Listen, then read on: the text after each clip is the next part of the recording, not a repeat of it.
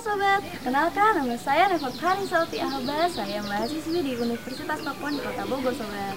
Nah sobat, kalian pasti tahu dong di, di Indonesia ini banyak banget wisata budayanya. Nah salah satu ada di kota saya sobat, yaitu di Kota Bogor. Namanya Kampung Batik sobat. Dan alamatnya itu di Desa Cibulu nomor satu sobat. Kalian pasti penasaran kan? Ikutin saya terus ya sobat. Let's go. Nah, Batik adalah warisan budaya yang dimiliki Indonesia dan bahkan diakui oleh dunia. Batik merupakan salah satu warisan Nusantara yang unik. Keunikannya ditunjukkan dengan berbagai macam motif yang memiliki makna tersendiri. Kain batik sangat dekat dengan seluruh aspek kehidupan masyarakat Indonesia. Bisa dibilang batik seperti kain wajib yang dimiliki oleh orang Indonesia demi menjaga dan melestarikan budaya. Nah, sobat, sekarang saya sudah ada di rumah benar di kafe batik ini sobat. Nah, di samping saya itu ada rumah ibu Dina Angel. Oke. Hmm, halo Bu, apa kabar? Alhamdulillah baik. Alhamdulillah ya Bu.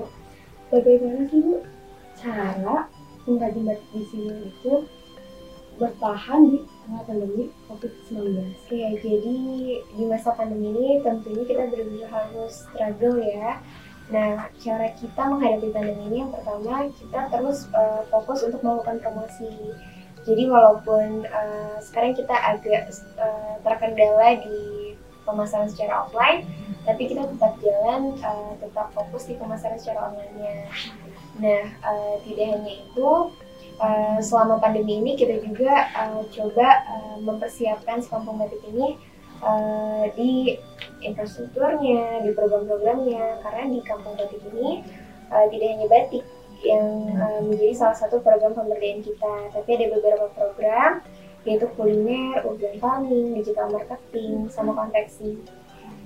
Gitu. Jadi kita fokus untuk membuat sebuah event-event, promosi, uh, yang kita gempur lah ya, karena di masa pandemi ini kan kalau misalnya kita kurang aktif, orang pun akan sulit minimal ketika orang tidak bisa uh, berkunjung secara langsung tapi mereka uh, iya bisa secara online dan mereka akan ibaratnya akan top of mind lah di mereka jadi uh, kampung batik Cibulu ini akan terus teringat gitu.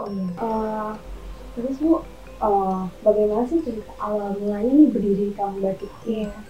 Jadi sebetulnya saya pribadi yeah. itu sudah merintis batik di tahun 2014. Waktu itu saya masih kelas 3 SMA. Wow Nah di tahun 2014 uh, untuk pengembangan industri batik sendiri tuh uh, SDM menjadi kendala uh, kendala paling apa ya paling berat lah untuk mengembangkan industri batik di Kota Bogor karena basically Kota Bogor itu bukan daerah penghasil batik yeah. seperti Pekalongan, Jogja, Solo. Yeah. Nah, dari situ sempat berpikir gimana ya caranya biar uh, kita tuh bisa mengembangkan industri batik, kita bisa mendapatkan SDM uh, orang Bogor asli nih. Oh, iya. Nah dari situ uh, cobalah kita memberikan pelatihan kepada warga sekitar uh, sampai mereka betul-betul mempunyai skill membatik, mereka konsen, uh, konsisten untuk membuat produk dan karya batik sampai akhirnya nggak uh, sampai di situ aja, hmm. jadi pahit manis uh, dalam mengembangkan industri batik itu sudah dilalui terus uh, berpikir lagi. Lokasi kita ini bukan lokasi yang strategis. Hmm. untuk orang tahu keberadaan kita di sini aja sulit. Sulit, sulit banget. kan? Iya kita di iya. dalam perkampungan. Hmm. terus uh, tapi di kampung batik Cibulu ini uh, batik itu menjadi salah satu potensi yang bisa kita angkat untuk uh, untuk menciptakan uh, peluang lah peluang ekonomi untuk warga di sini. Uh, akhirnya sempat uh, terpikir gitu ya gitu. Tadinya tuh cuman pengen awalnya tuh cuman pengen kayak pasang plang bahwa di sini tuh ada origin batik. Oh, iya. Awalnya kayak Awal. gitu. Terus sempat kayak punya mimpi gitu. Uh, bisa nggak ya kita bikin usaha uh, bikin hmm, perkampungan uh, ya kampung batik di Kota Bogor. Sedangkan kita ini identitasnya bukan sebagai daerah penghasil batik yeah. gitu kan. Dari situ uh, kita berjuang lagi dari tahun 2016 uh, akhirnya di tahun 2019 kode rumah kita ketemu dengan CSR hmm. nah terus uh, mereka lihat potensi di sini mereka asesmen mereka wawancara kepada pengrajin ternyata memang di sini uh, uh, di kampungnya itu punya potensi yang bisa dikembangkan. Sebetulnya uh, tidak hanya batik yang bisa dikembangkan di kampung batik ini terus sampai akhirnya oke okay, kita kerja bersama-sama dengan ya dengan para stakeholder. Kita buat uh, apa uh, kerjasama dengan pentah uh, dengan sistem pentahelix dengan akademisinya terus dengan medianya masyarakatnya pengusahanya akhirnya di tahun 2019 tepatnya 24 Agustus kita uh, melaunching kampung batik ini dengan Pak Wali Kota Bogor Rabina Arya itu dia perbincangan saya dengan Budina selebihnya mohon maaf kalau ada kata-kata ya, yang buat menyinggung hati Bu Dina. Terima kasih ya Bu. Iya, sama-sama.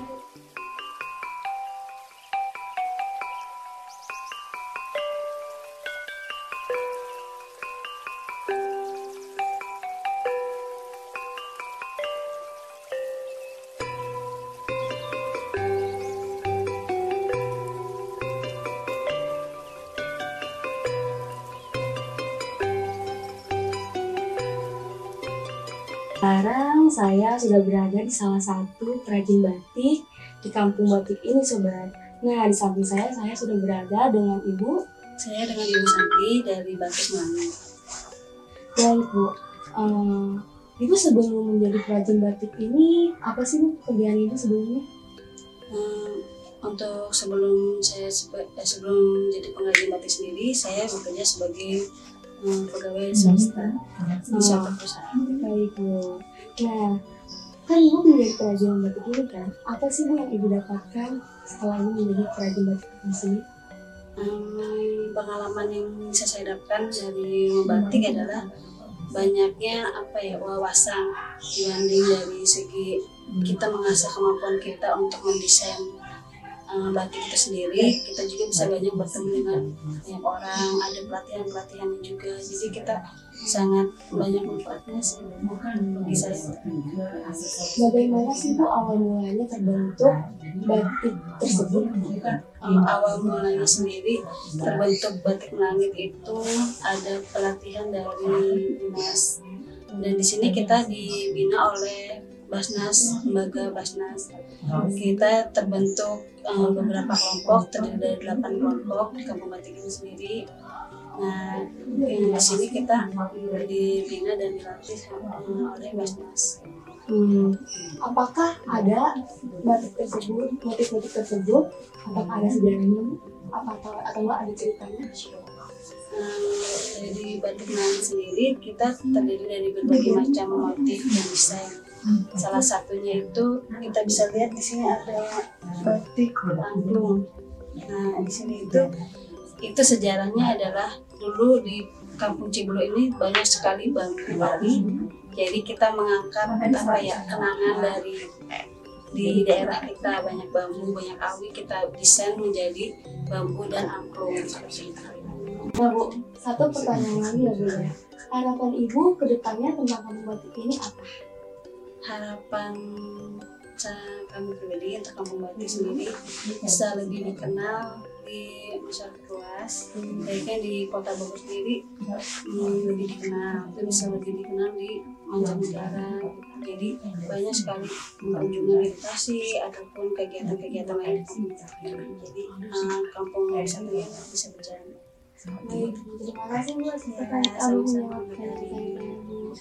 Nah sobat, kalian sudah dengar kan? Nah jangan lupa ya, kalian harus ke kampung batik kota Bogor. Eh, baik sobat, terima kasih sudah menonton video tersebut. Saya Nahutari Sautiaba mengundurkan diri. Assalamualaikum warahmatullahi wabarakatuh. Budaya batik, pemerintah Kota Bogor menyulap wilayah Kelurahan Cibulu Bogor Utara menjadi kampung batik. Terdapat sekitar 30 kepala keluarga yang aktif berprofesi sebagai perajin batik. Tiap dinding-dinding rumah warga dipercantik dengan berbagai lukisan mural bermotif batik dan corak yang menceritakan keindahan Kota Bogor mulai masa 1800 hingga saat ini.